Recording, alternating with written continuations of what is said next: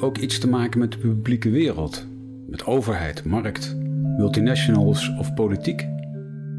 Als gelovige leef je in de wereld en ben je burger. Je gelooft in Jezus Christus, de Heer van de wereld. Maar wat betekent dat voor je als burger? Hoe kijk je naar politieke machten en ontwikkelingen? Wat staat onze kerk en gelovigen te doen als het gaat over globalisering, klimaat, democratie, verdeling van rijkdom, oorlog en vrede, vrijheid of grote technologische ontwikkelingen?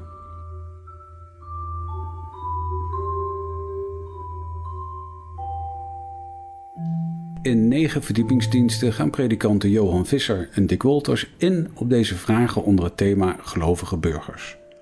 We zien dat de Bijbel verrassend actueel is om 21ste eeuwse burgers een weg te wijzen die zowel radicaal anders is als echt betrokken op de wereld van vandaag. Acht werkwoorden wijzen die weg: dienen, bidden, ontmaskeren, alternatief leven, spotten, getuigen, lijden en vrede stichten.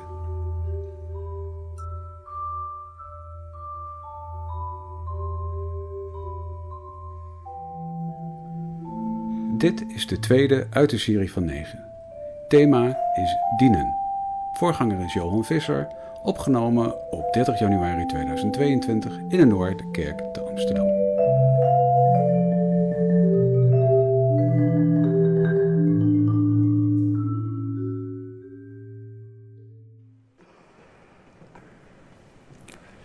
In de serie verdiepingsdiensten gelovige burgers luisteren we vanavond naar het woord dienen.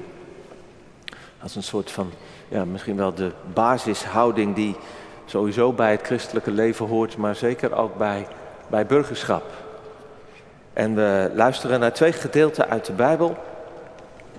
Eerst uit het uh, Oude Testament, uit het levensverhaal van Jozef, Genesis 41 en 47.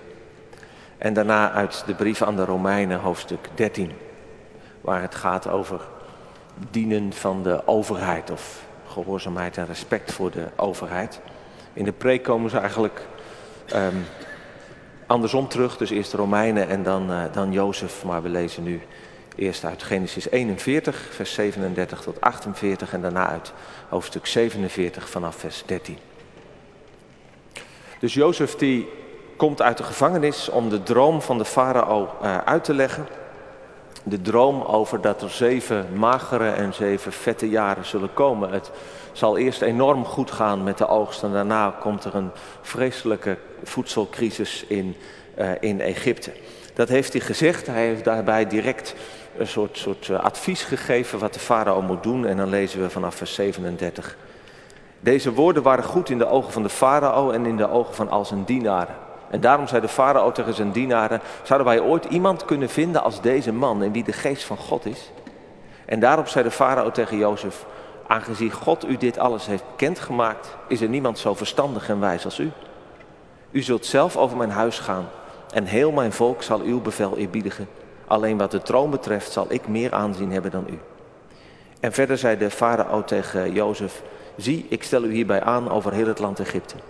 Toen nam de farao zijn, zijn ring van zijn hand en deed hem aan Jozefs hand. En hij liet hem kleren van fijn linnen aantrekken en hing een gouden keten om zijn hals.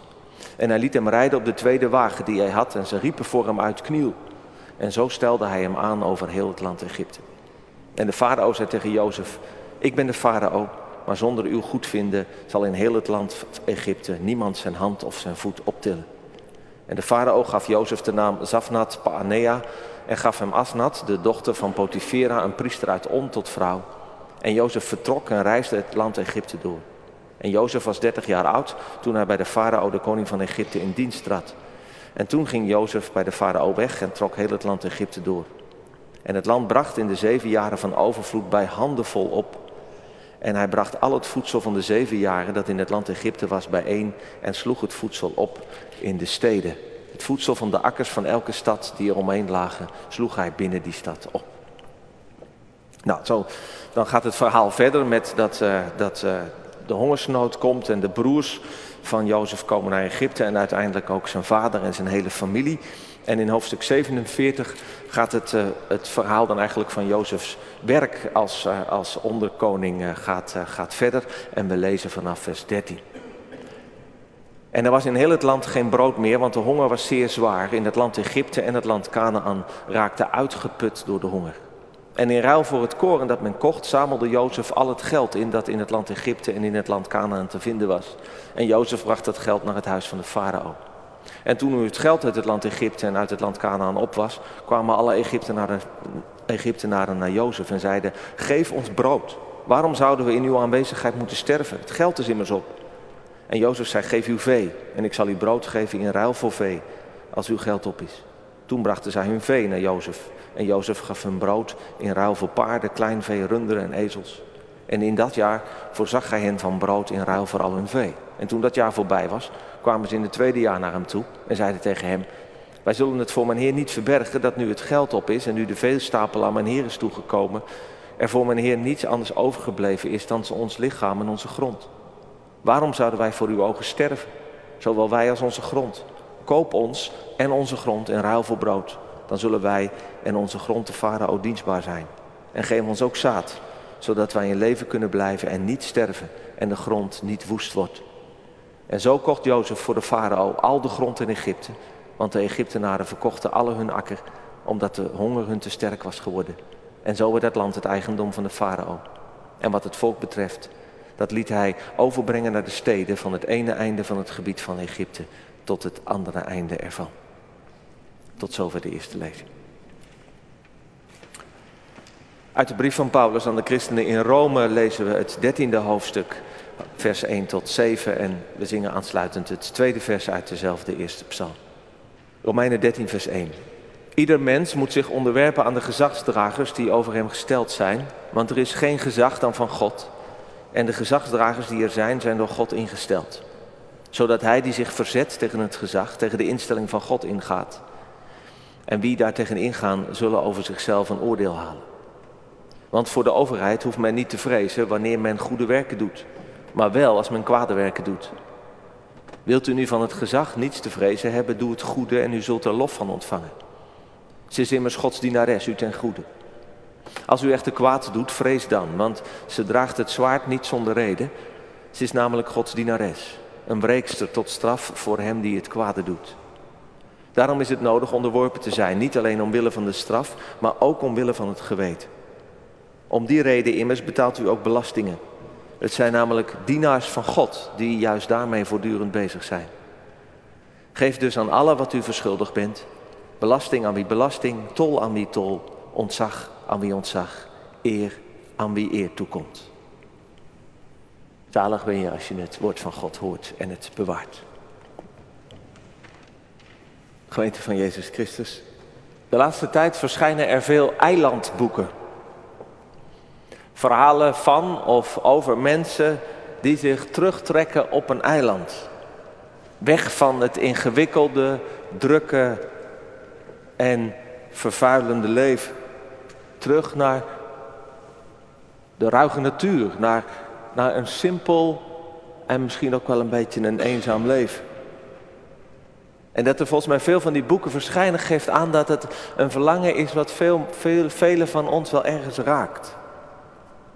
Zoals ik las van de milieuactivist en, en christen Paul Kingsnorth, die teleurgesteld in de mensheid en in de milieubeweging en zeer pessimistisch over hoe het zal gaan met de aarde zich heeft teruggetrokken op een boerderij in Ierland. Om daar zo simpel mogelijk zelfvoorzienend te leven. En ook vanuit andere motieven trekken mensen zich, zich terug op hun eigen eiland. Mensen die niet meer, geen enkel vertrouwen meer hebben in medemensen, de samenleving. Maar zeker ook rijke mensen die vooral hun eigen rijke, lekkere leventje willen.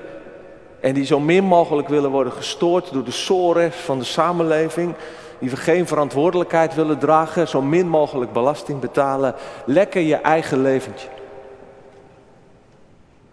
Ik voel de aantrekkingskracht van het eiland.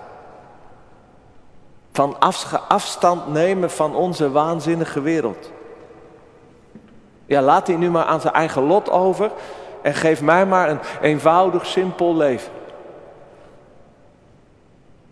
Het is denk ik ook een van de opties voor volgelingen van Jezus. Alle eeuwen door hebben mensen dat gedaan. Gelovige mensen die zich, die zich terugtrekken uit de samenleving. Of afstand van alle machten en krachten van de wereld je eigen gelovige leven leven. Als kluizenaar of in een klooster of in een zuil van, van alleen maar christenen of een kerk hè, met dikke muren en, en waar zoveel mogelijk van het leven gebeurt. En natuurlijk, iedere gelovige weet dat de wereld en het kwaad, dat die natuurlijk ook aanwezig is als je je terugtrekt op je eilandje of in, in een klooster of in een kerk. En het is natuurlijk ook heel goed mogelijk dat je je terugtrekt in een leefgemeenschap of, of, of in een klooster en dat je van daaruit juist ook inzet voor de wereld. Dus terugtrekken op zich kan een beweging zijn waardoor je ook weer iets, iets kan geven voor, voor, voor de samenleving en voor anderen. En dat laatste, denk ik, hoort echt bij de, bij de levensweg van Jezus en zijn volgelingen. Want hoe radicaal en, en in zekere zin revolutionair Jezus ook was, hij heeft zich nooit teruggetrokken. En dat had hij kunnen doen, want in zijn dagen was er een, was er een, een redelijk grote gemeenschap van, van, van, van Joodse gelovigen die zich in Qumran hadden, bij de Dode Zee hadden teruggetrokken. Die afstand hadden genomen van die tempel en van de Joodse leiders die altijd toch een beetje moesten samenwerken met die, met die Romeinen en de andere machthebbers. En die, nee, die tempel, er was niks en zij hadden hun, hun, hun, ja, hun eigen gemeenschap gesticht. En daar wachten ze af tot de Messias zou komen en hielden ze zich vooral bezig met zo rein, zo zuiver mogelijk leven. Maar dat deed Jezus niet. En dat is denk ik omdat hij in de wereld wilde blijven. En dat het ook onze roeping is. Niet uit de wereld weg, maar in de wereld, hoe anders je ook bent. Want het is die wereld die God heeft liefgehad. En waarin Christus is gekomen om, om te dienen. En waarin wij ook in zijn spoor mogen dienen. Nou, dan zijn we, dan zijn we bij Romeinen 13. Het is een onderdeel van Paulus' aansporing aan de christenen in Rome. De miljoenenstad, de grootste stad van die tijd, in de vijftiger jaren. Ergens waarschijnlijk tweede helft van de jaren 50 van de eerste eeuw schrijft hij dat. En die, die, eh, die aansporing begint in hoofdstuk 12, waarin Paulus zegt: Je moet niet gelijkvormig worden aan de wereld. Je moet niet in de schema's van de, van de wereld eh, gaan denken en leven. Maar je moet jezelf laten veranderen, zodat je zicht krijgt op wat de wil van God is, wat het goede is. Nou, dat werkt hij dan, dan uit in die hoofdstukken. In de eerste plaats dat je dat doet samen in de gemeenschap van gelovigen. En dat je daarin, dat is de basis van de wil van God, dat je daarin in liefde en vrede met elkaar samenleeft. En dat probeer je met alle mensen te doen, dan maakt hij het breder. En je doet het zelfs met de mensen die, die, die het je lastig maken, die je vijandig gezind zijn.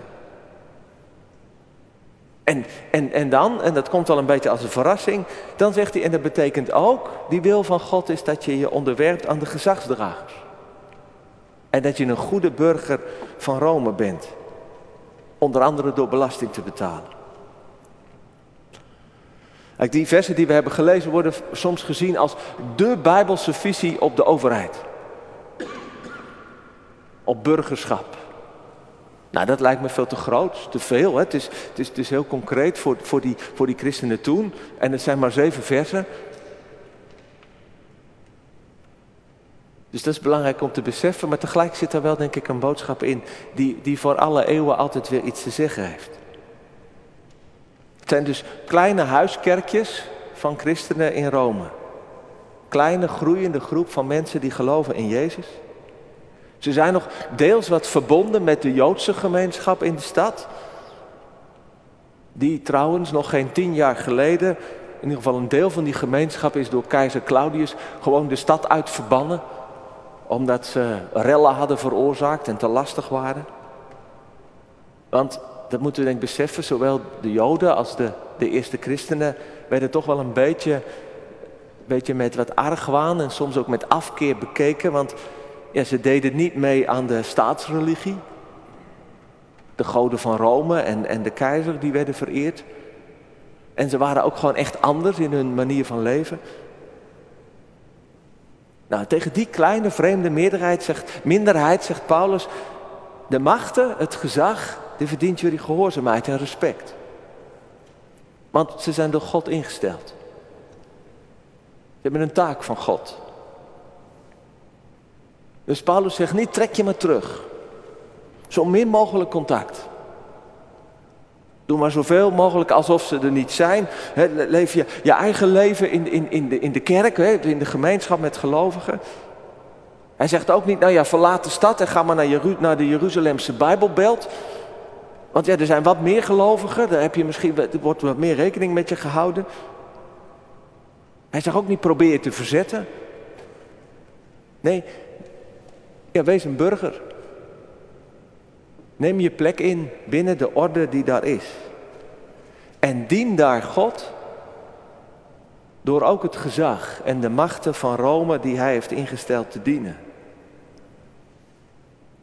En dat zegt hij dus ook tegen die gelovigen die slaaf waren. Bijna de helft van de inwoners van Rome wordt geschat, waren niet vrij in die dagen. En hij zegt, je doet het omwille van je geweten. Dat is een onderdeel dus van je toewijding aan God. Van het offer wat je brengt aan God.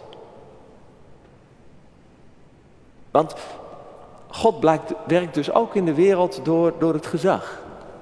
Door de overheden, door de machten. En dat is denk ik een soort van, van wel een algemeen bijbelse overtuiging die je in de hele Bijbel tegenkomt. God is immers de schepper van hemel en aarde. En die is nog steeds betrokken bij zijn wereld. En hij houdt, hij houdt zijn wereld ook in stand door, door, ja, door, door een bepaalde ordening. Die zorgt ergens voor vrede, voor, voor, voor recht. En Paulus die onderstreept dat door, door die overheid of, of die, dat gezag Gods dienares, Gods, Gods dienaar te noemen. En, en de belastingambtenaren, ja, die zijn de dienaren van God. Het woord is liturgoi. Dat, daar zit ons liturgie in. Hè? En dat werd in die tijd ook gebruikt voor priesters die een offer in een tempel brachten. Dus eigenlijk wat Paulus zegt is, is belasting, dat is godsdienst. Die blauwe envelop die in je brievenbus valt, die is, als je het zo bekijkt, is dus post van God. Ja, dat is eigenlijk wel grappig, dacht ik. Dat briefje uit de hemel waar wij gelovigen soms zo hopeloos op zitten te wachten, die wordt gewoon door de Belastingdienst verzonden.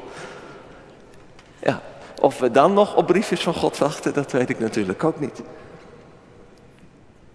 Maar ik, ja, en tegelijk denken we natuurlijk ook wel een beetje van Paulus, dit kun je toch niet menen?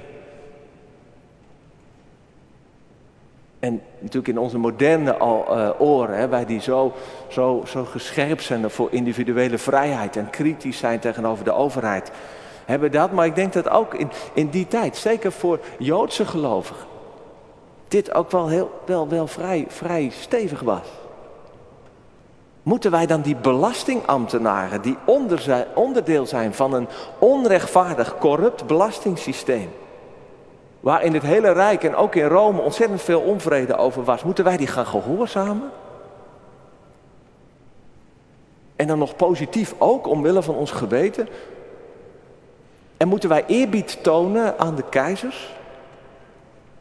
En de keizers van, die, van de tijd, van die tijd, de laatste drie, die werden door een, worden door een historicus getypeerd als een krankzinnige nietsnut. Dat was Caligula. Een wrede en prikkelbare spasticus. Dat was Claudius. En een ijdele, geperverteerde egoïst. Dat was Nero. Dat was de keizer die regeerde toen Paulus dit schreef. Moeten we echt hen eerbied en, en eer betonen? Omdat ze er nu eenmaal door God zijn ingesteld? Nou, dit zijn natuurlijk wel ergens brandende vragen, toch?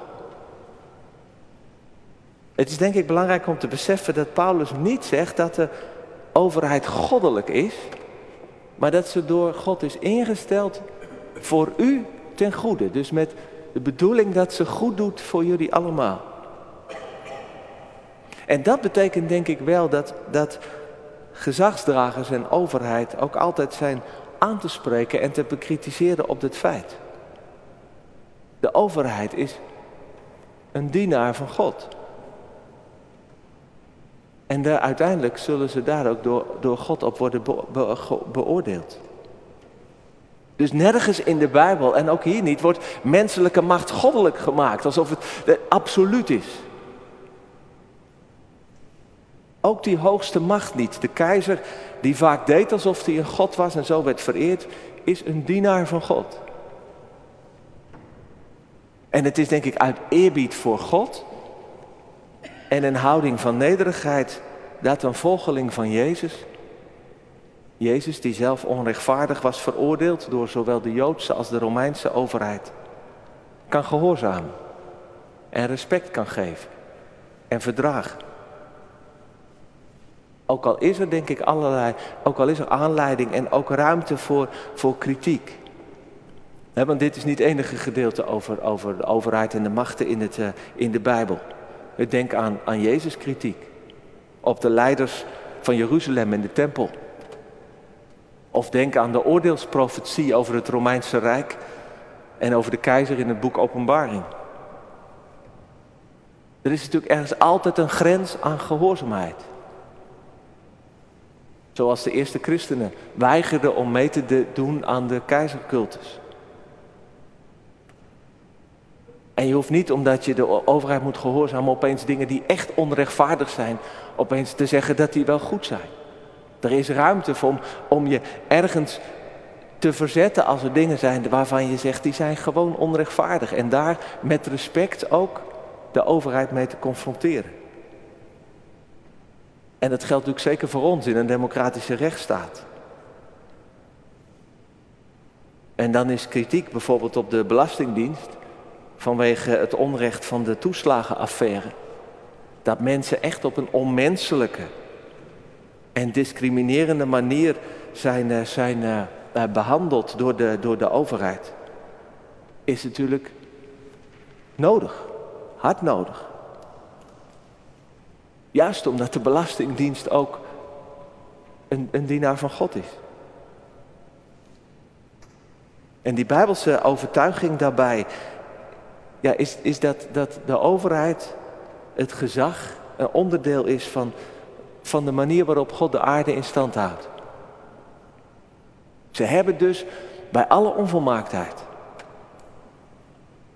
en bij alles wat er ook op aan te merken is, een goede functie vrede, orde en rechtvaardigheid bewaren. Ik denk dat je die conclusie moet trekken uit wat Paulus schrijft. En dat geeft ons denk ik vandaag ook wel te denken. Er is vandaag heel veel kritiek en verzet. En, en wantrouwen en wanhoop en ook soms wel heel erg cynisme tegenover de machten. De overheid, het bedrijfsleven, de, uh, het systeem, de elite. En een deel is zeker terecht. Er zijn ontwikkelingen in de wereld waar je kritisch op moet zijn. En het, ik zat me even te bedenken bij, bij, bij dat, dat wat grappige idee van die belastingenvelop als, als, als boodschap van God. Maar als jij natuurlijk in die toeslagenaffaire bent benadeeld, dan, kun je natuurlijk die envelop niet zien als een briefje van God. Als dat je leven echt kapot kan maken. Dus na gelang van je ervaring en je positie en je, en je politieke overtuiging, ja, kun je ook wel erg kritisch zijn, maar je kunt ook heel vijandig gaan denken. En de een zal vijandig denken over de overheid en de ander over de multinationals. En nogmaals, kritiek afstand, verzet, dat, dat, dat kan en moet ook. Maar het is natuurlijk iets anders dan alle machten als duivels en slecht behandelen en gaan zien. En daarom is complotdenken is ook niks voor een christen.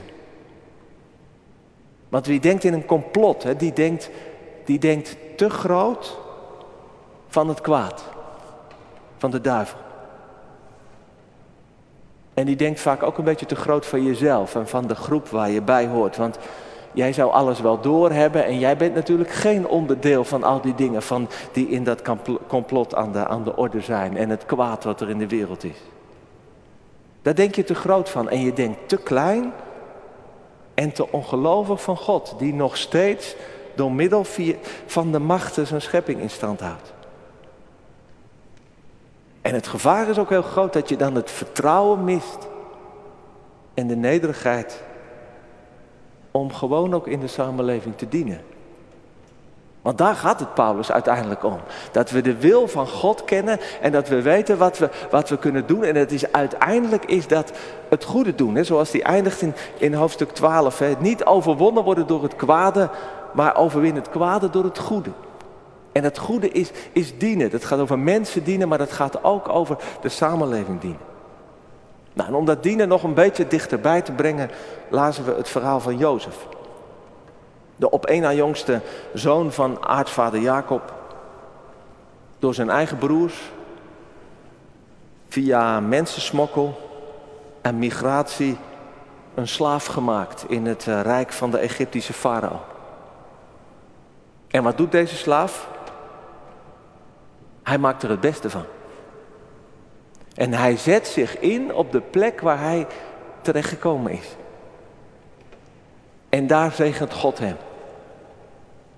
En dan kun je natuurlijk zeggen, ja, maar Jozef, ja, dat kan ik ook wel. Als je, als je de ene hoogste plek in het rijk krijgt, dat is makkelijk om te dienen. Nee, hij begint te dienen de plek waar hij, waar hij bediende is. In het huis van Potifar. En als hij dan in een soort van MeToo-affaire met de vrouw van zijn baas terechtkomt, dan blijft hij trouw aan zijn baas, aan zichzelf, aan God. Ook al weet hij dat dat zijn positie kost. En dat hij onrechtvaardig in de, in de gevangenis belandt. Maar in die gevangenis, zo gaat het verhaal verder, gaat hij ook, zet hij zich ook weer in. En gaat hij door met dienen voor zijn medegevangenen. Met wat God hem heeft gegeven. En ook daar zegent God hem. En uiteindelijk brengt hem dat bij de farao. Die in hem de wijsheid van God herkent. En hem daarom in, in de tijd van dreigende voedselcrisis tot, tot vizier. Dat is de hoogste functionaris in het Egyptische Rijk aanstelt. Wij zouden zeggen de, de premier, de eerste minister. En zo zorgt Jozef als mens die de wijsheid van God kent ervoor dat niet alleen zijn eigen familie, maar ook de volken van Egypte en Canaan de crisis van de hongersnood overleven. En dat doet hij binnen het systeem van het wereldrijk. Onder het hoogste leiderschap van de goddelijke farao. Het systeem en de farao die later Jozefs volk als, als slaven zullen gaan gebruiken en proberen kapot te maken. En dan ook het oordeel van God over zich afroepen. En als je dan leest hoe, hoe Jozef dat doet, in dat laatste hoofdstuk wat we, wat we lazen, als dan die hongersnood komt en die mensen komen naar hem toe, dan, dan, dan irriteert mij dat een beetje. Dan snap ik niet zo goed waarom Jozef zich met Gods wijsheid zo inzet voor dat rijk om uiteindelijk alle bezit bij die farao te krijgen. Jozef is weinig barmhartig voor het volk dat om graan vraagt. Hoewel zij het toch waren die hadden gezorgd in de jaren van overvloed dat er, dat er zo'n overschot van koren eh, kon worden bewaard. En nu moesten ze alles afslaan totdat ze uiteindelijk ja, een soort van slaven van de farao werden. En Jozef die speelt daar als de, ja, als, als de hoogste ambtenaar een grote rol in. En hij doet het met goede bedoelingen. Hij redt het volk en ze komen bij hem. Maar blijkbaar zit hij zo in dat systeem dat hij ook vuile handen maakt, zou je zeggen. Want hij houdt dat, ja, dat, dat systeem wat helemaal draait om de macht en de rijkdom van die farao, houdt hij in stand. Hij maakt vuile handen en misschien hoort dat ook wel bij dienen. Ik vind het wel een beetje een gevaarlijk onderwerp. dat je door mee te doen dat je daardoor vuile handen maakt. En jullie begrijpen denk ik wel waarom, want te veel mensen hebben dat gebruikt als een soort excuus voor hun onwil en hun gebrek aan moed en verantwoordelijkheid om het anders te doen. Om nee te zeggen. Bijvoorbeeld onder de naties. Ja, ja we zitten nu eenmaal, ja, ja waar, waar je moet meedoen en dan maak je vuile handen. Nee, soms moet je omwille van, van Gods gebod en omwille van, van, van gewoon menselijke rechtvaardigheid moet je een grens trekken. Daar doe ik niet aan mee. En dan wordt het natuurlijk gevaarlijk als je zegt, ja maar ja, we maken allemaal vuile handen. Dan, dan ben je eerder een volgeling van Pilatus. Die zijn vuile handen wast in onschuld en de schuld afschuift op anderen. Dan dat je een volgeling van Jezus bent. Die toch echt tegen ons heeft gezegd dat als je hem wil volgen, dan zul je bereid moeten zijn om je kruis op je te nemen. Dus gevaarlijk om het te zeggen en tegelijk, het geldt denk ik wel voor ons allemaal. Dat als we deel uitmaken van deze wereld en als we meedoen waartoe we geroepen zijn, ja, dan krijgen we vuile handen. Dan moet je soms dingen doen die je als je, als je eerlijk bent denkt van die zou ik niet willen doen, dat zou anders moeten. En dat geldt denk ik voor ondernemers en dat geldt voor bestuurders. Dat geldt voor mensen in de zorg. Dat geldt ook voor als we, als we burgers zijn en in die zin verantwoordelijk, verantwoordelijkheid nemen voor, voor onze samenleving. En dat geldt natuurlijk ook trouwens voor als je onderdeel bent van een familie of een kerk of een, uh, of een vereniging. Als er dingen zijn die, die niet goed gaan en waar gaan soms dingen niet goed en loopt het niet, niet, niet, niet helemaal eerlijk. Kijk, je zou misschien willen dat het anders ging. Je probeert misschien ook dingen te veranderen. Je verzet je misschien wel. En je, je wil je helemaal niet verschuilen achter van, ja, nu, het gaat nu eenmaal zo, hè. En er zijn misschien momenten dat je denkt, ja, misschien moet ik wel stoppen. Maar ja, je bent wel onderdeel van hoe het gaat. Ik lees best veel van mensen die, als het over de zorg gaat, op allerlei manieren en hoe dat georganiseerd is in ons land en, en zo, dat, dat wordt gezegd, er zijn zoveel dingen die, die, die niet kloppen en die oneerlijk zijn en die we anders zouden moeten doen. Maar ja, als je er eenmaal in zit, dan, dan doe je mee. Ja, dan is het natuurlijk makkelijk om eruit te stappen en te zeggen, ja, dan. dan maar als je meedoet en je probeert het te veranderen, ja, dan, dan ontkom je er niet aan dat je ergens ook, ook vuile handen maakt. En ik denk wie dient, die is nederig genoeg om niet net te doen alsof je geen vuile handen maakt. En naar anderen te wijzen. Maar die is ook nederig genoeg om je best te doen. En je werk toch zo goed en zo, zo, zo eerlijk en, en, en met, met, een, met een open geweten voor God te doen. Ook al kost het je misschien wat. Dat is beide, denk ik, vraagt dat om nederigheid. Zowel eerlijk te erkennen dat, je, dat, dat het soms, dat jij ook mee moet doen en dat het niet anders gaat terwijl je het anders zou willen. En dezelfde nederigheid als je zegt, ja en soms, ja dan, dan, dan zeg ik gewoon nee. Ook al wat ze ook precies van me, van me vinden. En dat is nederigheid, want het gaat uiteindelijk niet om jou of om mij. En ook niet om jouw zuiverheid. Of het beeld wat je kan ophouden van, ik doe het goed. Nee, je bent maar een dienaar. Maar wel een dienaar van God. Door, en God die door jou inzet. En werk in deze zondige en onvolmaakte schepping. Toch nog het, ergens het goede in stand houdt. En soms ook verlossend werkt. En in onze tijd, hè, waarin iedereen zo bezig is met, met wie je bent en wie wie de anderen zijn. En wat, wat, wat, wat jij precies goed moet vinden en doen en wat anderen dan niet goed vinden en, en niet doen. Die tijd van zoveel geoordeel en, en ook, ook, ook gecancel en verontwaardiging. Ja, is het volgens mij ook, ook echt, echt bevrijdend. Dat je gewoon dient. Dat het niet gaat over de vuile handen die jij niet hebt en anderen wel maken. En dat je je zuivere handen moet laten zien. Hè? Ook in de kerk kunnen we dat natuurlijk zo met praten over de wereld en, en over anderen. Nee, ik denk, alleen wie wil dienen, die heeft recht van spreken. En van kritisch spreken en oordelen. En tenslotte, je, je vraagt je misschien af hè, hoe je dat durft. Hoe je dat kunt. Jezelf zo loslaten dat je zelfs je, je eigen goedheid en je schone handen, dat je die, dat je die loslaat. Zou dat niet te maken hebben met het vertrouwen, met het geloof in de ene die ons heeft gediend?